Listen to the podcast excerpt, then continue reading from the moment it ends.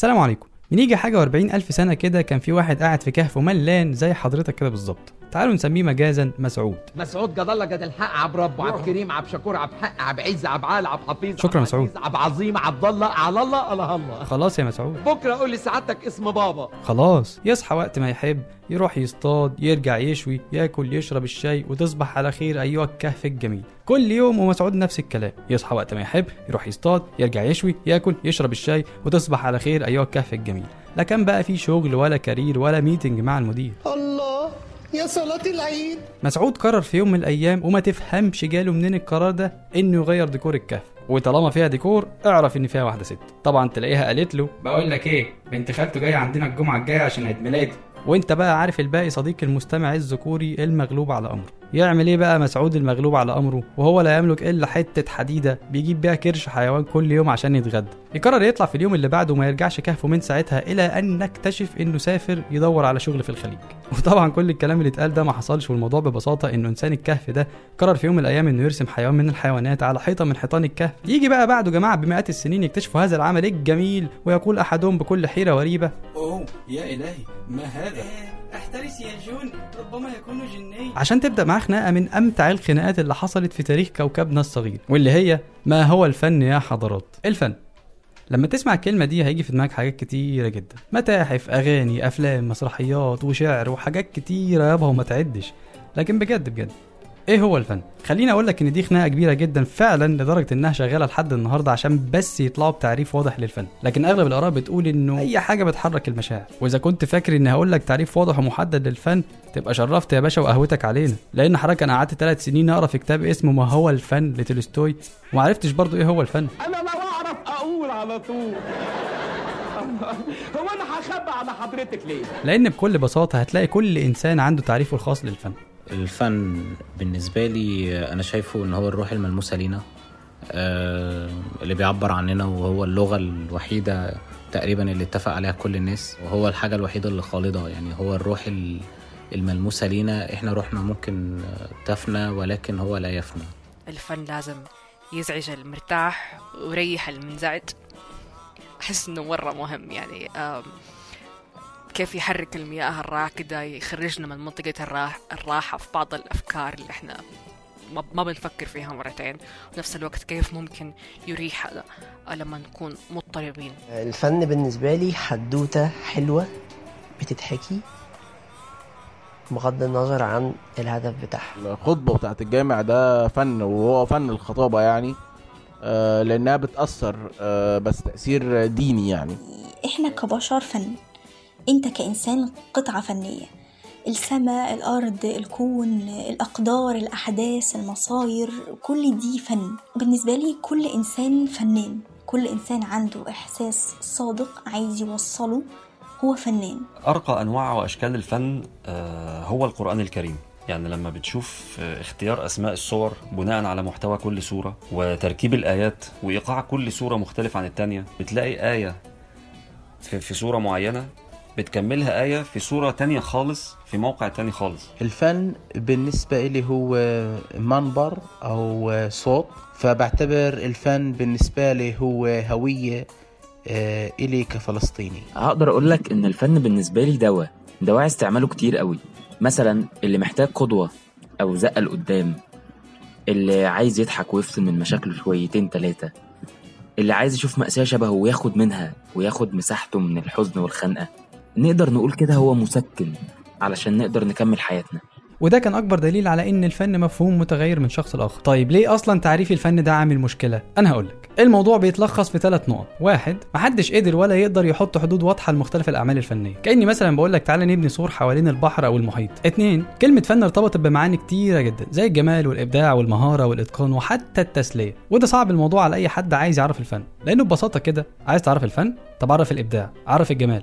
ما تعرف السبب الثالث هو إن الفن دايما مرتبط بالنشاط الإنساني بشكل عام وبالمشاعر بشكل خاص. وطبعا كل ما يتغير النشاط الإنساني كل ما يزيد صعوبة تعريف الفن. لكن أنا برضو مش هخليك تسيب ورقة الإجابة فاضية. وأقول لك إن أكتر تعريف متماسك للفن لحد دلوقتي طبقا للمعاجم العربية وغير العربية. بص الفن هو عبارة عن مجموعة من القواعد الخاصة بحرفة أو صناعة ما. هو مجموعة من الوسائل التي يستخدمها الفرد لإثارة المشاعر والعواطف. هو مهارة كده بيحكمها الذوق ومواهب الإنسان. وهو التعبير عن الأفكار الجمالية عن طريق توظيف المرء لخياله وإبداعه. والفن بيتقسم لانواع كتيرة جدا زي الفنون البصرية واللي هي الرسم والنحت وفنون العمارة وفنون الجرافيك والفنون التشكيلية والفنون الأدبية زي الدراما والقصة والفنون الأدائية زي المسرح والمزيكا والرقص.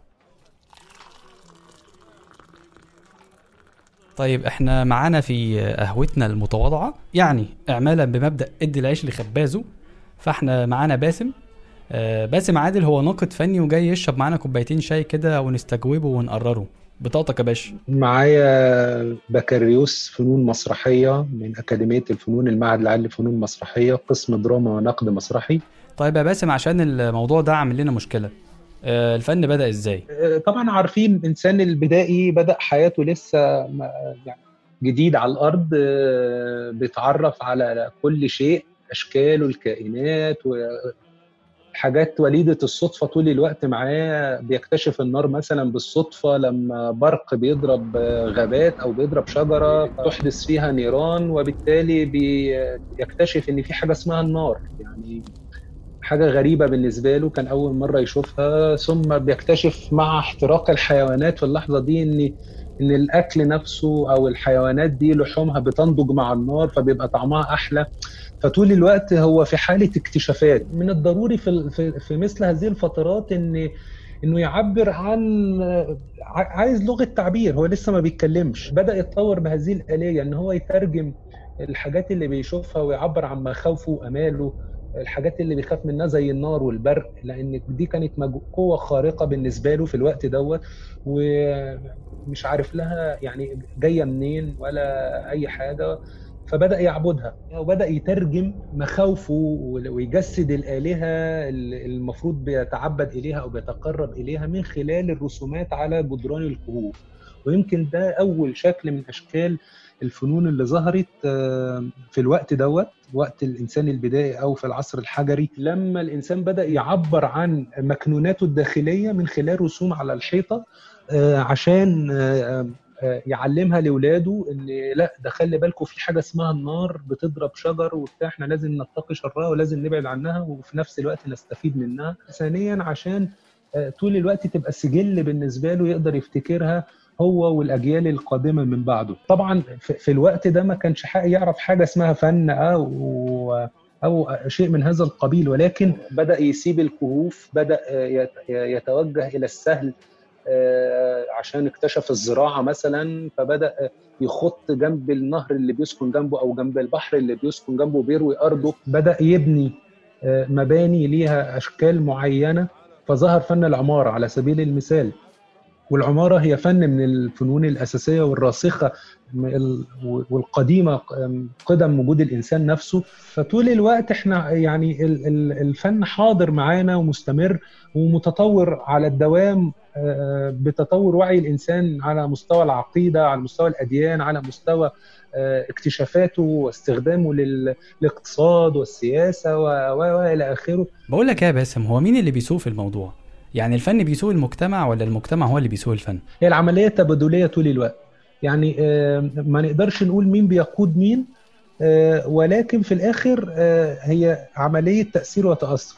يمكن في بعض المناطق الفن أو في بعض الأوقات الفن كان بيستشرف المستقبل أو آه، بيقود المستقبل وبيتنبأ بيه. لو اتفرجنا على بعض الأفلام هنلاقيه بيتكلم يمكن على نفس الأعراض اللي بتظهر دلوقتي في أعراض زي الكورونا أو السارس أو الإيدز أو أو إلى آخره أو السرطانات حتى أو كان طول الوقت بي- بيستشرف وبيتنبأ بهذه الأفكار باعتبار إن الأفكار دي بين قوسين خيال علمي أو في وقتها يعني.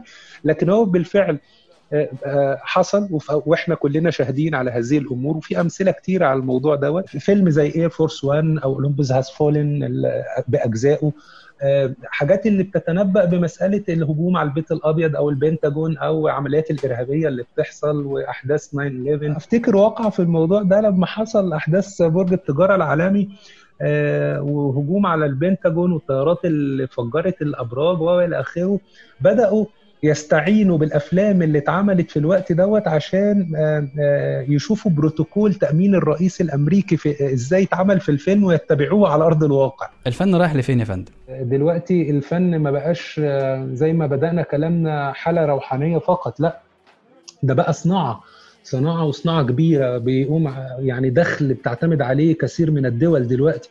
أما نلاقي مثلا برودواي في نيويورك مثلا آه، آه، يعني ربع أو تلت دخل آه، مدينة نيويورك في أمريكا مثلا آه، جاي من مسارح برودواي فقط. فلا, فلا ده إحنا ده الفن دلوقتي مش ما بقاش بقى يخاطب الوجدان بس وي ويسمو بالروح لا ده بتبقى صناعة واقتصاد بيحرك دول. لأن دي ناس وع- وعت بمسألة وخطوره الفن وإزاي أوظف التكنولوجيا فيه عشان أزيد مزيد من الإبهار لدى الجمهور اللي هو مش هيستخسر يدفع آه، ألوفات ومئات من الدولارات مثلا على سبيل المثال عشان يخش يتفرج على التقنيات والإبهار دوت. يا أخي البشر دول يبوظوا أي حاجة. يعني شوف الفن بدأ بروقان وشعائر دينية وطقوس وحركات. دلوقتي الموضوع كله فلوس فلوس فلوس. اللي هو أنا هتديني كام يا باشا؟ بس بالرغم من التطور المخيف اللي حصل له ده إلا إنه لسه في ناس بتحاول تعيد الأمور لنصابها أو تعدل الميلة زي ما بيقولوا. فإحنا معانا يوسف سليمان يوسف بيعرف نفسه على إنه آه، ممثل ومدرس للدراما. آه، حاليا معلم دراما. آه، يعني بمعنى إن أنا drama teacher بدرس الدراما في المدارس. ده مش حاصل خالص على مستوى العالم.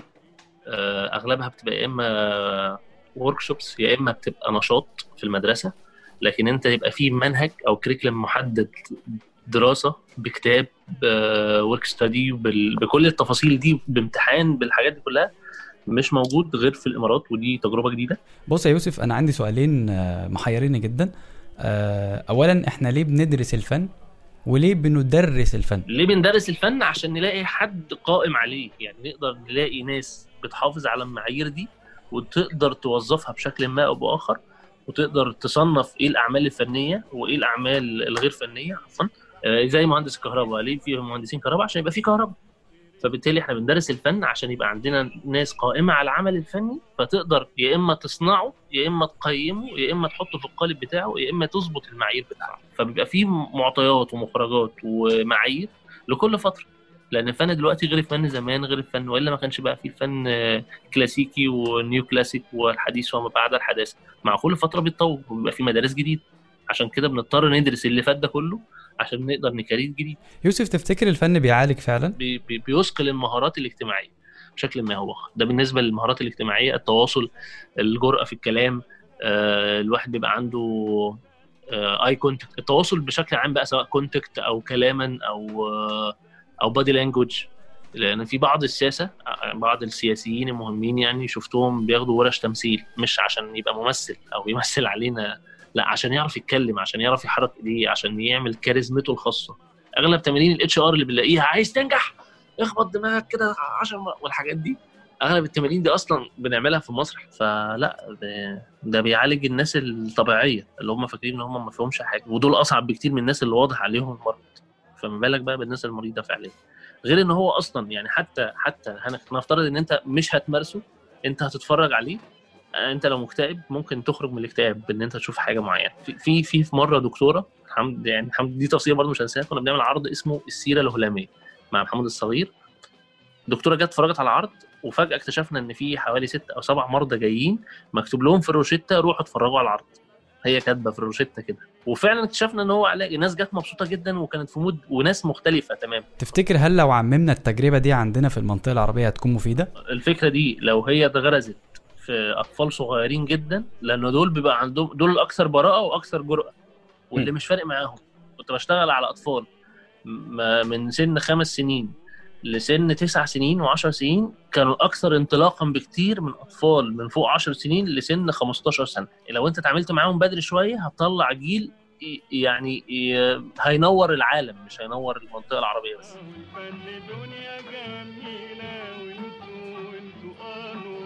ومتهيألي مش هنلاقي حد يتكلم عن العلاج بالفن أحسن من حد اتعالج فعلا بالفن. أسماء كان لها تجربة مع الاكتئاب زي أغلبنا. آه، فسمعت في مرة عن العلاج بالفن وقررت إنها تروح والموضوع فعلا جاب نتيجة. أنا كنت قبل كده خدت ورشة آم، حاجة اسمها سايكو دراما كانت عن فكرة العلاج بالكتابة. إن أنا أكتب موقف مثلا حصل معايا في طفولتي فأثر فيا بشكل ما فأنا لما أكتب الموقف ده هيخليني أبص للموقف بشكل مختلف. هي كانت كانت فحوى الورشة كلها عن فكرة العلاج بالكتابة. إن إحنا بنطلع كل الحاجات اللي جوانا والصراعات النفسية اللي جوانا والمرشدة أو اللي هي كانت مشرفة على الورشة كانت دورها بس إن هي تقول لنا إن إحنا إزاي الحاجة دي فضلت تأثر فينا وإزاي الحاجة دي هنقدر نتع... نتعافى منها وإزاي الحاجة دي هنفضل نتجاوزها. فكبرت الموضوع في دماغي بفكرة إن إحنا ممكن نتعالج بالفن مش بس نتعالج بالكتابة. في ناس ما بتعرفش تبوح بالكتابة في ناس بتعرف تبوح بالرسم في ناس بتعرف تبوح بأشكال تانية يعني. طيب آه، أسماء وفعلا الفن بيعالج يعني؟ آه، حاجات معينة آه مش كل حاجة. يعني مش مش مش الاضطرابات النفسية الحاده لو عندك اكتئاب عندك آه، عندك حاجات معينة ممكن يعالجها آه. إزاي؟ يعني هل في خطوات مثلا؟ عادة جلسات العلاج بالفن بتبقى على ست جلسات. هو أصلا المريض لما بيرسم جزء كبير من شحنات الغضب اللي جواه أو جزء كبير من شحنات ال... أي حاجة بقى يعني هو حاسس بغضب حاسس بكره حاسس بأي مشاعر سلبية حاسس باكتئاب حاد بيطلع الحاجات دي في الورق بيروح بعد كده للدكتور بيوريه الرسومات دي أو بيوريه الحاجات اللي هو رسمها. هيشوف الرسومات دي بشكل معين هيحللها هيعرف درجة الاكتئاب هنا وصل لحد فين. ساعات الموضوع ما بيحتاجش أدوية ساعات مثلا هو مش واصل لدرجة كبيرة من الاكتئاب إن هو هيحتاج أدوية ساعتها بس هيقول له مثلا آه، الرسومات دي بتعبر عن كذا وكذا فهيقول يعني هيعرف المريض بشكل ما هو ليه رسم الرسومات بالشكل ده. كل واحد فينا جواه جانب فنان يعني كل واحد فينا جواه حتة كده آه، بصرية شوية يعني حتة آه، إن هو بيقدر يعبر بشكل غير الكلام. يعني في ناس في ناس بتكتب في ناس بترسم في ناس بت- بت- بتشخبط حتى أي حاجة يعني. فهو الجانب ده موجود أصلا جوانا يعني. هو بس الدكتور هيطلعه الدكتور هيخرجه الدكتور هيحلله. هيقدر بيها ساعتها يعرف ليه الشخص ده ماشي في المسار ده أو ليه الشخص ده بيعاني من الاكتئاب بالشكل ده. طيب تفتكري مفيد إننا نعمم التجربة دي عندنا في الوطن العربي؟ شايفة إن هي هتفيد جدا يعني بالعكس هتبقى أكثر من العلاج النفسي لأنه الناس بتبص للمريض النفسي على إنه مجنون آه، مش طبيعي بتاع لكن العلاج بالفن هي هيبان هيبقى على هيئة ورشات وهت- وهتعمل أثر عميق جدا هتغير في ناس كتير يعني. فلا هيجيب نتيجة بس آه، هياخد وقت. يعني هياخد وقت زي كل حاجة في المنطقة العربيه يعني بتاخد وقت على ما الناس تتقبلها يعني وبس. متشكرين جدا يا أسماء والله أنا استمتعت جدا بالكلام معاكي ومع يوسف ومع باسم. وإنتوا كمان يا رب تكونوا اتبسطتوا وتقدروا تبعتوا لنا تبرعاتكم آه، قصدي اقتراحاتكم وتقولوا لنا حابين نتكلم في إيه الحلقات الجاية على الإيميل اللي هتلاقوه في وصف الحلقة. وده بالظبط اللي إحنا هنحاول نناقشه في البودكاست ده. هنحاول نعرف مع بعض مواضيع كتيرة جدا وقصص كتيرة في الفن زي السينما والمسرح والموسيقى والأدب والشعر من أول صاحبنا مسعود لحد ما وصلنا لهذه الدرجة. وكل ده تحت نطاق الفن. باختصار هنناقش كل حاجة معمولة بفن. يلا سلام.